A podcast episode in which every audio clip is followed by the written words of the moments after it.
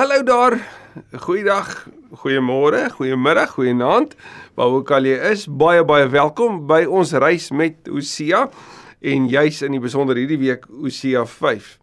Die laaste week het ek weer die ontsettende voorreg gehad om te kon gesels met mense wat in Amerika bly.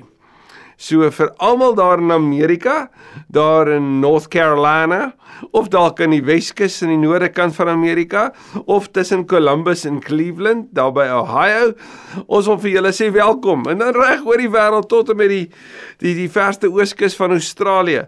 Vir almal van julle wat deelneem, verskriklik dankie dat jy KSM kies, dat jy hierdie spasie kies. Of dalk as jy hier in Suid-Afrika of in die omgewing van van Centurion selfs. Ons wil vir jou van harte sê welkom. Dankie dat jy saam met ons reis, dat jy saam met ons ontdek. Mag die Here werklik vandag weer eens dit wat ons hier met mekaar deel, mag hy dit gebruik om ons verbeelding verder aan te gryp ook met ons reis. Dalk neem jy deel in die in die leesreis hier by Kerk sonder mure en hierdie gebruik jy op hierdie oomblik net as 'n as 'n toevoeging of 'n bylaag tot tot die Bybel leesreis. Wel, dis wonderlik dat ons hierdie met mekaar kan deel en onthou asseblief soos altyd al het ons hierdie al lank al afgesluit en is al besig met nuwe reekse is hierdie notas vir jou beskikbaar. Stuur vir my e-pos en ek stuur dit met graagte graagte aan. Onthou ook asseblief as jy weet van iemand wat gebed nodig het, ons wil graag daar wees vir jou. Iemand wat sorg nodig het, ons wil graag weet hoe kan ons 'n verskil maak? Hoe kan ons jou hande sterk maak of hoe kan ons deelneem aan God se versorging ook in jou lewe? As daar iets is wat ons kan doen, asseblief stuur 'n e-pos. Of dalk sê nee, ek het 'n behoefte aan 'n groep. Hierdie het my bewus gemaak daarvan dat ek 'n groep mense in my lewe nodig het. Wel, daar selgroepe wat jy ook virtueel of aanlyn mee kan kan indeel. So stuur asseblief vir ons so e-pos en ons stuur vir jou al die inligting. Ons wil jou so so graag verwelkom in die KSM familie. Ons wil jou so graag sien ook. Maar as dit nie moontlik is nie, is hierdie 'n heerlike platform en ons wil dit ten volle benut en waardeer. So dankie dat jy saam met ons reis. Net in kort weer 'n opsomming tot nou toe. Hosea 1 tot 3 vertel vir ons baie van wat in Hosea se lewe gebeur het en hoofstuk 4 tot 14 spel die of of beskryf die uitspeel hiervan en en hoe dit eintlik dit was wat Hosea beskryf in hoofstuk 1 tot 3 naamlik dat dat hy met 'n losvrou moes trou dat sy hom as dit ware verlaat het teruggekeer het na na ander toe ander mans wat sy as minnaars noem. En hoe die Here sê nee maar jy moet terugkom. En in Hosea se geval sê die Here gaan knoop weer 'n liefdesverhouding met haar aan. En hoe dit natuurlik hierdie hierdie oproep tot inkeer tot terugdraai mee eindig Van hoofstuk 4 af sien ons hoe hoe dit wat in Hosea se lewe gebeur het. Natuurlik is dit 'n beskrywing en 'n in 'n 'n beeld, 'n metafoor van God se verhouding met Israel. Presies hoe dit gewerk het. Hoe Israel weggedraai het van die Here af en wie hierdie minnaars was waarmee Israel haarself dan weet haarself dan aangegee het. In in in die taal van Hosea met wie wie hulle gehoreer het. So hoofstuk 4 verlede week as jy kan onthou, het ons gesien hoe hoe hoe die Here hierdie hierdie tweede hoofdeel hoe hy hoe hy begin deur die priesters aan te kla. Hy sê vir die priesters, julle het nie julle werk gedoen nie. Julle het nie my volk opgeroep en geleer en gelei om in liefde, trou en toewyding aan my te leef nie. Julle het hulle gelos en daarom het hulle gaan hulp soek, gaan raad soek by 'n stuk hout. Ek gaan nie die dogters en en die vroue blameer omdat hulle gehoreer het nie. Nee, priester, ek gaan julle blameer. Want omdat julle nie julle werk gedoen het nie. Hulle het hierdie stelsel ontwikkel as priesters waarin die die volk sonde gedoen het. Dan het hulle kom offers bring om reg te maak daarvoor en die offers het natuurlik die priesters self bevoordeel net om hulle weer toe te laat om te gaan droogmaak sodat hulle weer kan offers bring. En hierdie stelsel met die volk gesus wat ons bring tog ons offers, ons neem deel aan die hittefeeste, die nuwe maanfeeste en al die feeste wat daar was. En en daar's nie toewyding nodig nie. Want ons neem deel aan die feeste, ons bring ons offers, maar ons kan leef net soos wat ons wil. En die Here sê hierdie stelsel met julle gebruik tot julle eie voordeel maar ek gaan van julle die bespotting maak. Hierdie naam priesters wat julle julleself toeëien en wat dink wat wat maak is dat julle bepaalde voordeel kry in die samelewing, ek gaan dit wegvat. Julle gaan 'n bespotting word. Die Here sê julle toewyding of jy gebrek aan toewyding en die koning se gebrek aan toewyding lei daartoe dat die land verdor, dat selfs die visse doodgaan. So julle julle gebrek aan toewyding en as jy Hosea 4 lees gaan dit lyk asof dit vandag geskryf is, het 'n effek op al die segmente van die samelewing en uiteindelik ook beïnvloed die natuur en dis alles die gevolge van 'n lewe wat nie toegewy is aan my nie. Die Here soek liefde, trou en toewyding aan hom. En selfs te midde van hierdie hierdie dreigende oordeel, is daar hierdie oomblikke van maar vir hulle wat hulle bekeer. Is daar hoop? Vir hulle wat draai terugdraai na my toe, is daar 'n 'n kans vir herstel. Maar as hulle dit nie doen nie, is dit die gevolge. En so beweeg ons van hoofstuk 4 se fokus op priesters na hoofstuk 15. Kom ons bid saam. Vader van ons so in die begin bid, dan dan is dit nie om uit gewoonte net te doen nie, maar is om regtig te verklaar te bely, Here, dat dat as U hierdie nie inspireer nie, dan is dit net nog kennis. En ek bid so Here dat dit nie net kennis in ons lewe sal wees nie, maar dit van ons kop na ons hart en na ons lewens so sal beweeg, dat dit letterlik sal deursuur in elke deel van ons van ons lewe en dat dit sal sigbaar word. Dat die meting van ons lewe nie ge meet sal word aan die hoeveelheid kennis wat ons van u woord het nie, maar van die hoeveelheid wat u woord sigbaar word in die manier hoe ons leef in hierdie liefde, trou en toewyding. Kom daarom vandag asseblief en kom praat met ons. Wees met ons. Wees met my. Waar ek hier sit of luister, dalk as ek in die motor, dis in my mense of in my selgroep of by die huis, waar dit ook al is, dat ek sal hoor wat u wil sê. Bid dit in Jesus se naam. Amen. En amen. Hoofstuk 5 vers 1. Luister hierna, priesters, let op, leiers van Israel, gee aandag koningshuis. Nou in die vorige hoofstuk het ons gehoor die priesters is aangespreek. Nou is daar 'n groepering van 3 wat aangespreek word en al 3 het te doen met invloedrykes in die gemeenskap. Die priesters natuurlik, dan die leiers van Israel, anders sou kon sê die huis van Israel, die beskrywing van die die kollektief wat wat 'n deel was van die leierskap van Israel en dan die konings, die koningshuis. Hierdie oordeelswoord is vir julle bedoel. So, luister mooi. Julle is die wip in Mispa, die opges, opgespreide vangnet in Tabor, die diep vanggat in Sittim. Maar ek kan julle almal straf. Wat die Here kom sê vir die kollektiewe leierskap is julle is die rede hoekom daar moeilikheid is. Julle is die stryk vir julle eie mense. Dit begin by julle. Hier die Engelse spreekwoord van 'n fish rots from the head. Dis wat hier gebeur.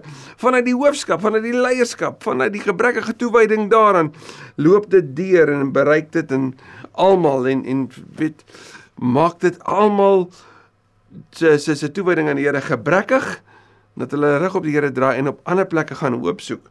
Die Here gebruik drie woorde vir hulle. Hy sê Here is die wip in Mispa. Nou Mispa was 'n vergaderplek in die Rigtertyd gewees. Ek en jy gaan daarvan lees in Rigters 10 en Rigters 11. Mispa word ook in Samuel genoem, daar in 1 Samuel 7. Dit was ook die plek gewees waar Jakob en Laban hulle ooreenkoms getref het. So hierdie vergaderplek sê die Here het 'n wip geword. Die oopgespreide vangnet op Tabor. Nou Tabor was 'n berg in die Noordryk gewees. Daar was sommige wat reken dat dis die plek waar Jesus op die berg van verheerliking was. Hierdie berg wat sigbaar was vir almal. Julle is soos 'n oopgespreide vangnet op Tabor. Dit beteken wat almal gaan vang natuurlik. Die diep vanggat in Sittim. Sittim is die area, die plek waar Joshua die die beloofde land ingegaan het, daar in Joshua 2. So 'n vangnet, 'n wip en 'n vanggat. Maar sê die Here, ek gaan julle almal straf. So waar julle ander tot 'n val bring, gaan dit nou met julle gebeur. Ek ken Efraim en ek weet wat in Israel aangaan. Die Nuwe Testament leer ons daar in Hebreërs 4 vers 13 dat niks is vir die Here onsigbaar nie. Hy weet alles. nou hierdie ek ken die mens. Gaan ek nie natuurlik in Psalm 100 in en 39 gaan lees. Maar ons sien dit ook by Jesus, nê? Nee? Jesus het hom nie op mense verlaat nie want hy weet hoe die mens is. So sê God dit. Ek ken, ek weet. Omdat jy jou nou aan hoedery oorgegee het, Efraim, is Israel verontreinig. Nou die verontreiniging het te doen met 'n vrou wat haar man verontreinig deur natuurlik oorspel te pleeg. So Israel wat hulle self vermeng het met ander godsdienste, met met die heidene, met ander lande het 'n effek natuurlik op hulle toewyding aan die Here. En daai vermenging het het gemaak dat hulle verontreinig is in hulle verhouding met hulle bruidegom, soos ons in Hosea 2 sien, God homself as beskryf. Gaan kyk ook na Jesegiel 23 vers 13 vir meer. Hulle dade maak dit vir hulle onmoontlik om na hulle God toe terug te keer, want 'n hoergees het by hulle posgevat en hulle is nie meer aan die Here toegewy nie. Ons sien aan die einde van hoofstuk 4 dat die Here sê Israel word in hierdie stormwind geneem en hulle kan nie keer nie soos 'n stormwind, 'n orkaan wat deurwaai en alles meesleer. Sê die Here daar hierdie hierdie hoergees hulle beet gepak. Nou natuurlik, hierdie hoergees was gekoppel met drie goed, nê? Tempelprostitusie en afgoderry, daarmee saam dis drankmisbruik en dan die die die die die hoereerdery tussen die mense. So die die aanbidding van die afgode, die tempelprostitusie en die drankmisbruik wat hierdie lewe gevorm het wat wat so deel was van hulle daaglikse gebruik. Hulle kon nie daarvan vrykom nie. 'n Verslawing is 'n verskriklike ding. En drankverslawing of seksuele verslawing, as jy dit sou kombineer binne 'n kultus wat vir jou sê maar jy's eintlik besig met met iets wat te doen het met die met die weet met die met die die ander wêreld, die die groter realiteit, die bonatuurlike. En dan wat jy hier doen het 'n effek daarop. Dan word dit letterlik 'n stelsel waaruit jy nie kan kom nie. Dis soos om deel te word van 'n kultus waarin jy vasgevang is. Israel is vasgevang hierin en hulle dade maak dit vir hulle onmoontlik. Nou hier's die vreemde.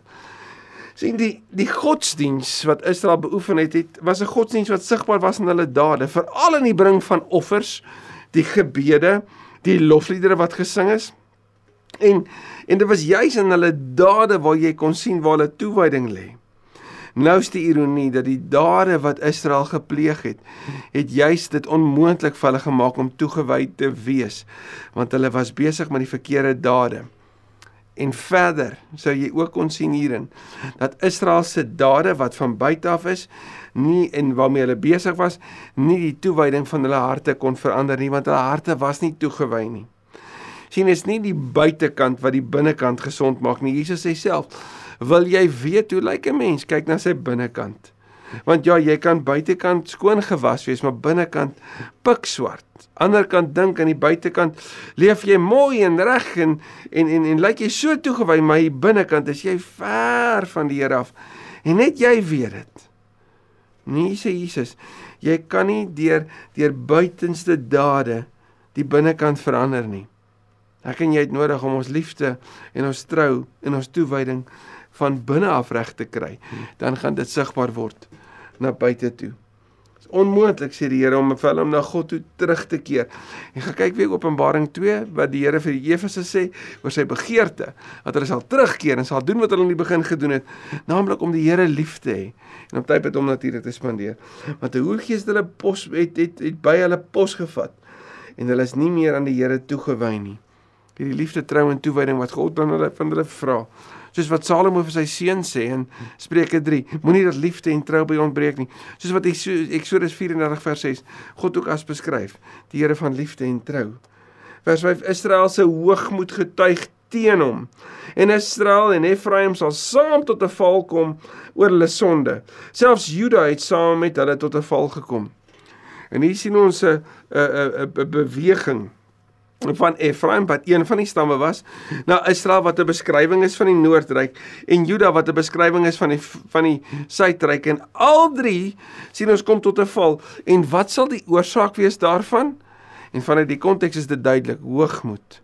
Wat sien as ek en jy in Joshua 17 vers 14 gaan gaan lees, gaan ons sien hoe Efraim daarop aandring om te sê, "Mag gee vir ons 'n groter deel want ons is meer as die ander."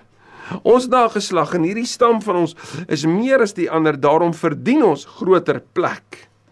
En as hierdie beklei vir vir meer van my ruimte, van meer van my spasie wat ons selfs later in Juda gaan gaan aantref daar by Benjamin se wêreld. Dis dis so hartseer om te dink dat elkeen wat beklei vir 'n vir 'n my spasie en elkeen wat my laat laat laat laat laat geld Die hele vraag van wat's what's in it for me?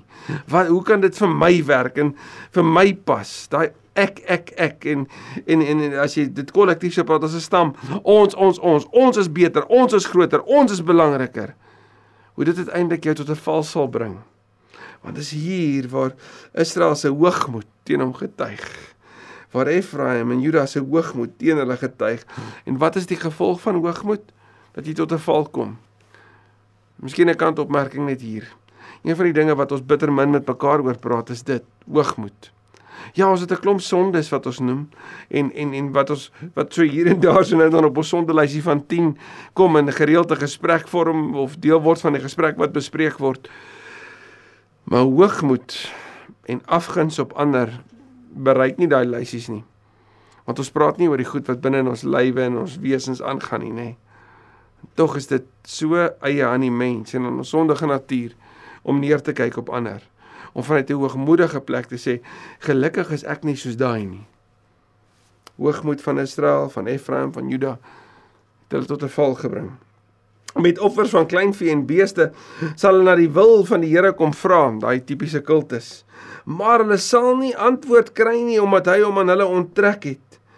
Die grootste hartseer wat ons hierin hoor is die Here wat sê ek is. En die Here wat sê ek wil daar wees vir jou, is die Here wat sê maar ek het my aan jou onttrek. Soos wat 'n man sy rug draai op sy vrou en wegloop. Sê die Here het ek wegbeweeg. Julle gaan my soek en julle gaan dit doen deur dade en dit is so eie aan ons menswees om te probeer om deur ons dade nader aan die Here te kom. Dit wat wat die Here soek is is 'n hart van toewyding hier binnekant. En die Here sê ek het my aan julle onttrek. Gaan kyk 'n bietjie Jeremia 3 vers 20. Hulle was ontrou aan die Here sê vers 7, want hulle het buiteegtelike kinders verwek. Hy gaan hulle binnekort vernietig. Binnekort 'n beskrywing natuurlik van 'n tyd wanneer dit gaan gebeur, maar die ander kant is daar tussenin 'n ruimte van die Here wat natuurlik wil hê hulle moet tot bekering kom, tot hom toe draai. Maar wat sê die Here? Hulle was ontrou en soos wat Hosea se vrou as jy kan onthou Gomer twee ander kinders gehad het, sy het verseker vir Jesreel by Hosea gehad. Ons het mekaar sien daar in hoofstuk 1, ons is nie heeltemal seker of die twee ander kinders by Hosea was nie. As moontlik het sy buiteegtelike kinders by ander mans gehad het. Sy het dit in elk geval gehad voor Hosea. Kom sê die Here, maar Israel, julle het vermeng geraak met die heidene. Julle het vermeng geraak met die ander ander lande, ander godsdienste, die ander volke en en dit het buiteegtelike kinders verwerk. Met ander woorde, kinders wat nie myne is nie. Aan die een kant sou jy kon sê dis metafories, maar aan die ander kant kan dit ook vertel dat Israel se gebrekkige toewyding het uitgeloop in die volgende generasie en die volgende generasie en die volgende generasie. Presies die teendeel van dit wat die Here wou hê moes gebeur in Deuteronomium 6 wat sê praat met jou kinders daaroor as jy kom, as jy ry, as jy ver is, as jy naby is, deel dit, skryf dit, praat daaroor, maak dit deel van hulle hulle DNA as jy wil. Die teendeel is hier aan die gebeur. Binne 'n maand gaan hy gaan hy hulle gesaaides verwoes. So met ander woorde, die maan, jy sou die beweging van die maan kon tel as jy in Israel na die natuur gekyk het. Dit kom sê dit is naby. So vir hulle was dit 'n tyd van die oes, die oesfeeste, die opgewondenheid daarvan, die gesaides wat wat nou tot tot tot lewe kom en en en en lê. Die Here sê dit gaan verwoes word. Jy gaan sien, dit gaan binnekort gebeur. Jy gaan dit kan sien. Dis naby. Dis nie ver nie. Dis nie toekomsmusiek nie. Dis hier. Vers 8: Blaas die ramshoring in Gebea, die trompet in Rama, maak alarm in Bet Aven. Benjamin is agter die Johan Ephraim. Die Here sê binne 'n maand en kyk mooi wat se woorde word dan gebruik. Die woorde van van een die Engelse praat van 'n watchman, van iemand wat op die die toring gaan staan en uitkyk, op die uitkyk toring en en kyk vir die gevaar. En dan trompet blaas. Dis oorlogstaal want die vyand is naby. Nou die drie gebiede wat genoem word is al drie stede wat so presies in die in die tussenin ruimte tussen die noord en die suidryk waar hulle bymekaar kom. Ja, so 'n bietjie aan die in die in die gebied van Benjamin, maar baie naby waar die noord en die suidryk bymekaar kom. Dis daar waar noord en suid bymekaar kom, waar hierdie stede is wat genoem word hier. En twee van hulle het ons mos nou al van gehoor.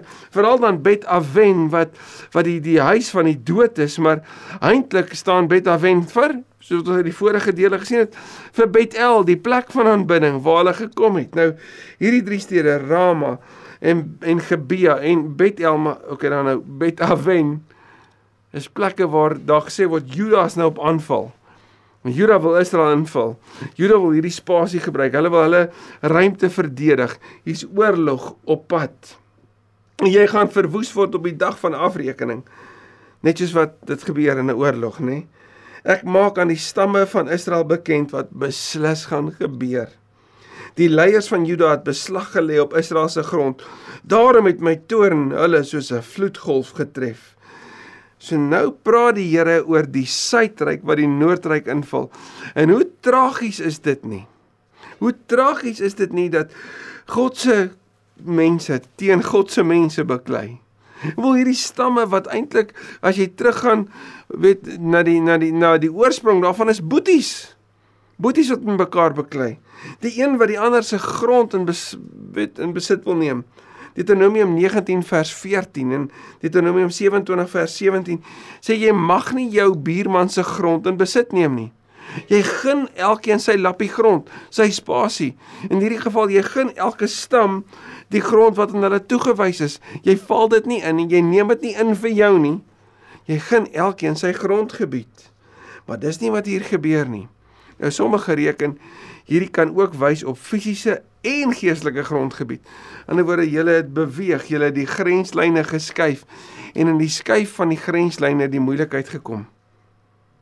Dit is maar so in ons lewe ook.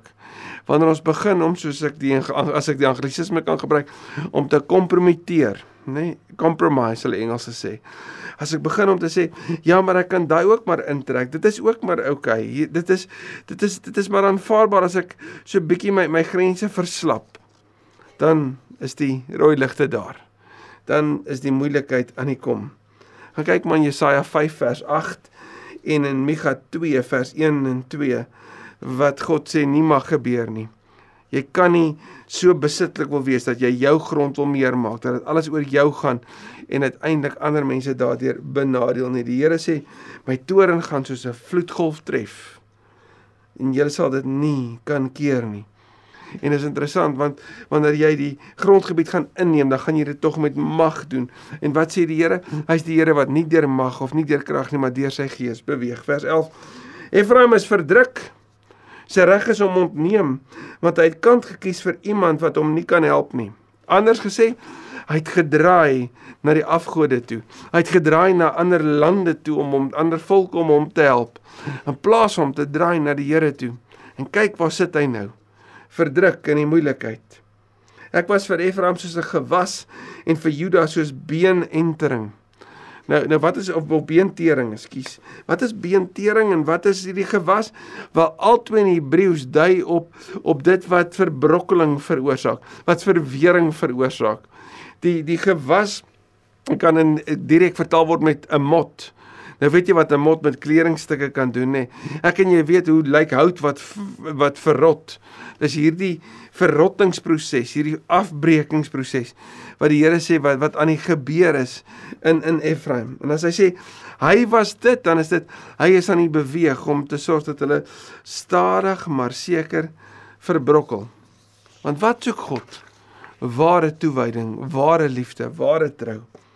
Toe Efraim agterkom dat hy siek is en Juda dat hy sweer het, het Efraim gaan hulp soek by Assirië. Nou waartoe gaan jy wanneer jy siek is? Na 'n dokter toe. Wie's die geneesheer? Die Here. Maar waar gaan soek jy hulp? Wanneer daar infeksie in die sweer is? Nee, dan gaan Efraim wat natuurlik deel is van die Noordryk, hulle gaan na Assirië toe. En Juda, wat hierdie plek is wat veronderstel is hierdie twee suid die suidryk se twee stamme om toegewy aan die Here te wees, ook hulle het gaan hulp soek by die verkeerdes. Gaan kyk maar Jeremia 17 vers 5 vir meer. En hulle het 'n afvaardiging gestuur na koning Jareb toe, maar hy kon hulle nie hulle nie gesond maak en of julle sweer uitsny nie. So julle toewyding aan die Here het julle gaan hulp soek by ander wat nie kan help nie. Hoe die Here dit vroeër beskryf in hoofstuk 1 tot 4. Die Here kom sê wat vir my so hartseer is is dat my volk gaan hulp soek by 'n stuk hout wat nie kan help nie. Julle gaan hulp soek by 'n koning wat julle nie kan help nie. In plaas van om na my toe te draai. Ek is soos 'n leeu teenoor Ephraim, soos 'n roofdier teenoor Juda. Dit is ek wat verskeer in my koers gaan, wat wegdra sonder dat iemand dit kan keer.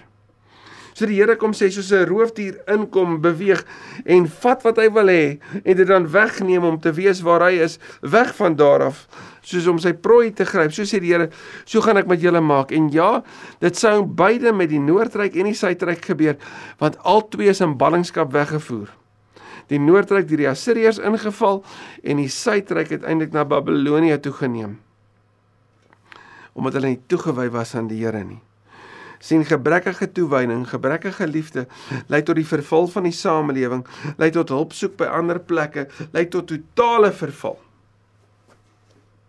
En dan, wat dan? Vers 15. Ek gaan my na my woonplek toe terugtrek soos 'n man wat sy rug draai op sy vrou, een kant toe gaan, weg beweeg, soos 'n dier wat sy prooi neem en weggaan, een kant toe homself terugtrek. As God sê dat hy homself terugtrek, beteken dit dat Psalm 22 se eerste woorde waar word. My God, my God, waarom het U my verlaat? Die slegste plek om te wees is om God verlate te wees. Maar kyk mooi, ek gaan my na my woonplek toe terugtrek totdat daar's daai woord van hoop alweer. Totdat. So God se se terugtrek is nie vir altyd nie. Nee. Sy doel is dan moet 'n plek kom, 'n oomblik kom waar die totdat kan gebeur. En wat is die totdat? Totdat hulle hulle skuld bely en vra na my wil. In hulle nood sal hulle my om hulp vra. Daar's hoop in die nood. Daar's hoop op daai plekke waar waar jy van nature net begin om om desperaat na God te soek en desperaat jou lewenswyse aan te pas. Ons sien dit baie hier. Mense wat in die diepste moeilikheid van hulle lewe kom en dan oop is vir vir nuwe besluite oor hulle lewe, oop is vir vir 'n totale nuwe lewe wat oop is vir die suggestie van van maar wil jy nie dit weggee of dit verander of dit laat gaan nie sodat jy nog meer in toewyding aan die Here kan leef. Nood maak dat ons dat ons regtig soos iemand gesê het nood leer bid. Nie net bid nie, maar in ons lewe bereid is om groot aanpassings te maak. So in dit is nood goed. Die hartseer is wanneer daar herstel kom en ons die oomblikke vergeet. Die oomblikke van desperate gebed en soek na die wil van die Here vergeet. Die oomblikke waarin jy eintlik so bewus is van die sonde in jou lewe dat jy niks daarvan wil doen nie want die Here is so goed en so heilig en so lief vir jou en jy het hom so nodig en die gemors van jou lewe het net soveel geword dat jy nie hierdie kan hanteer nie. Jy het hom so nodig en jy weet jy het op ander plekke gaan opsoek en dit het nie gehelp nie. Maar jy weet dit is hy. En sodra die lewe net weer rustig word, die stormwater kalmer word, dan vergeet ons hierdie oomblikke. Die Here sê ons moet dit aangryp want kyk wat moet gebeur wanneer ons beleef dat die Here ver is? Bely jou skuld. Bely jou skuld. Bely die siekte wat dit in jou teweeggebring het omdat jy jou hulp op ander plekke gaan soek het as by hom. Want hy wil hom nie teruggetrek van jou hou nie. Hy wil tot jou nader, nader tot jou God sê die Here en ek sal tot julle nader. Maar Israel het geleef asof God nie daar is nie. En daarom het hulle dit ook so beleef. Juda het geleef asof hulle God nie nodig het nie. En toe het dit gebeur. Die Here sê ek het my teruggetrek totdat hulle my die my, hulle skuld bely en vra na my wil. Wat is die teken van toewyding, liefde en trou? 'n Lewe wat vra na die wil van die Here vir elke dag. Jesus het ons mos dit geleer. Ons Vader wat in die hemel is, laat U naam geheilig word. Laat U koninkryk kom laat u wil geskied soos in die hemel so ook op die aarde. Later in hoofstuk 6 vers 33 van Matteus sal Jesus sê soek allereerst die koninkryk van God. Die lied sê soek na die wil van die Here. Alles wat nodig is sal hy vir julle gee uit sy oorvloed. Soek na sy wil bo alles en hy sal voorsien. Maar dit vra 'n hart, 'n lewe van toewyding, liefde en trou Selfs aan die einde hiervan waarin die konings, die leiers van die volk en die priesters aangespreek word, eindig dit weer eens met hoop. Vir Hosea vir vandag. Dankie Here vir vandag. Dankie vir hierdie oomblik. As daar iemand is vandag wat na hulle eie lewe kyk en sê maar as 'n gemors. Ek het gaan hoop soek op ander plekke. Ek het my lewe probeer vul met ander dinge, filosofie, godsdienste, dit wat dalk heeltemal weg is van U af. Ek lees nie meer U woord nie en ek ek wil tog net hê my lewe moet beter word, maar die gaas word net al hoe meer en en ek is oop, Here, ek is oop om te hoor en te te luister en te doen. Asseblief moet U nie weggedraai van my hou nie. Soos soos Dawid skryf in Psalm 51, asseblief moet U nie onttrek nie. Dankie dat U hoor as ons so bid. Dat U kom gesond maak. Daai sweer van die sonde wat binne ons is wat infeksie veroorsaak. Daai sweer wat wat wat kom vanuit 'n plek van hoogmoed en neerkyk op ander daai sweer van sonde wat sê ek wil myself bevredig en dat dit net oor my gaan en my my liste verlustig en en ek wil net ontvlug uit hierdie wêreld uit en ek wil goed misbruik sodat ek net net self beter kan voel en lekkerder kan voel. Nou hoe verder van jou weg beweeg. Kom maak daai sweer asseblief gesond. O hemelse geneesheer. Kom reinig ons van alle ongeregtighede en was ons skoon soos 1 Johannes 1 vers 8 en 9 sê. Dankie dat U dit doen omdat Jesus die prys betaal het sodat ons skoon gewas kan wees as ons ons sonde bely. In Jesus se naam. Amen. Amen. Ek hoop regtig jy het 'n besondere mooi dag.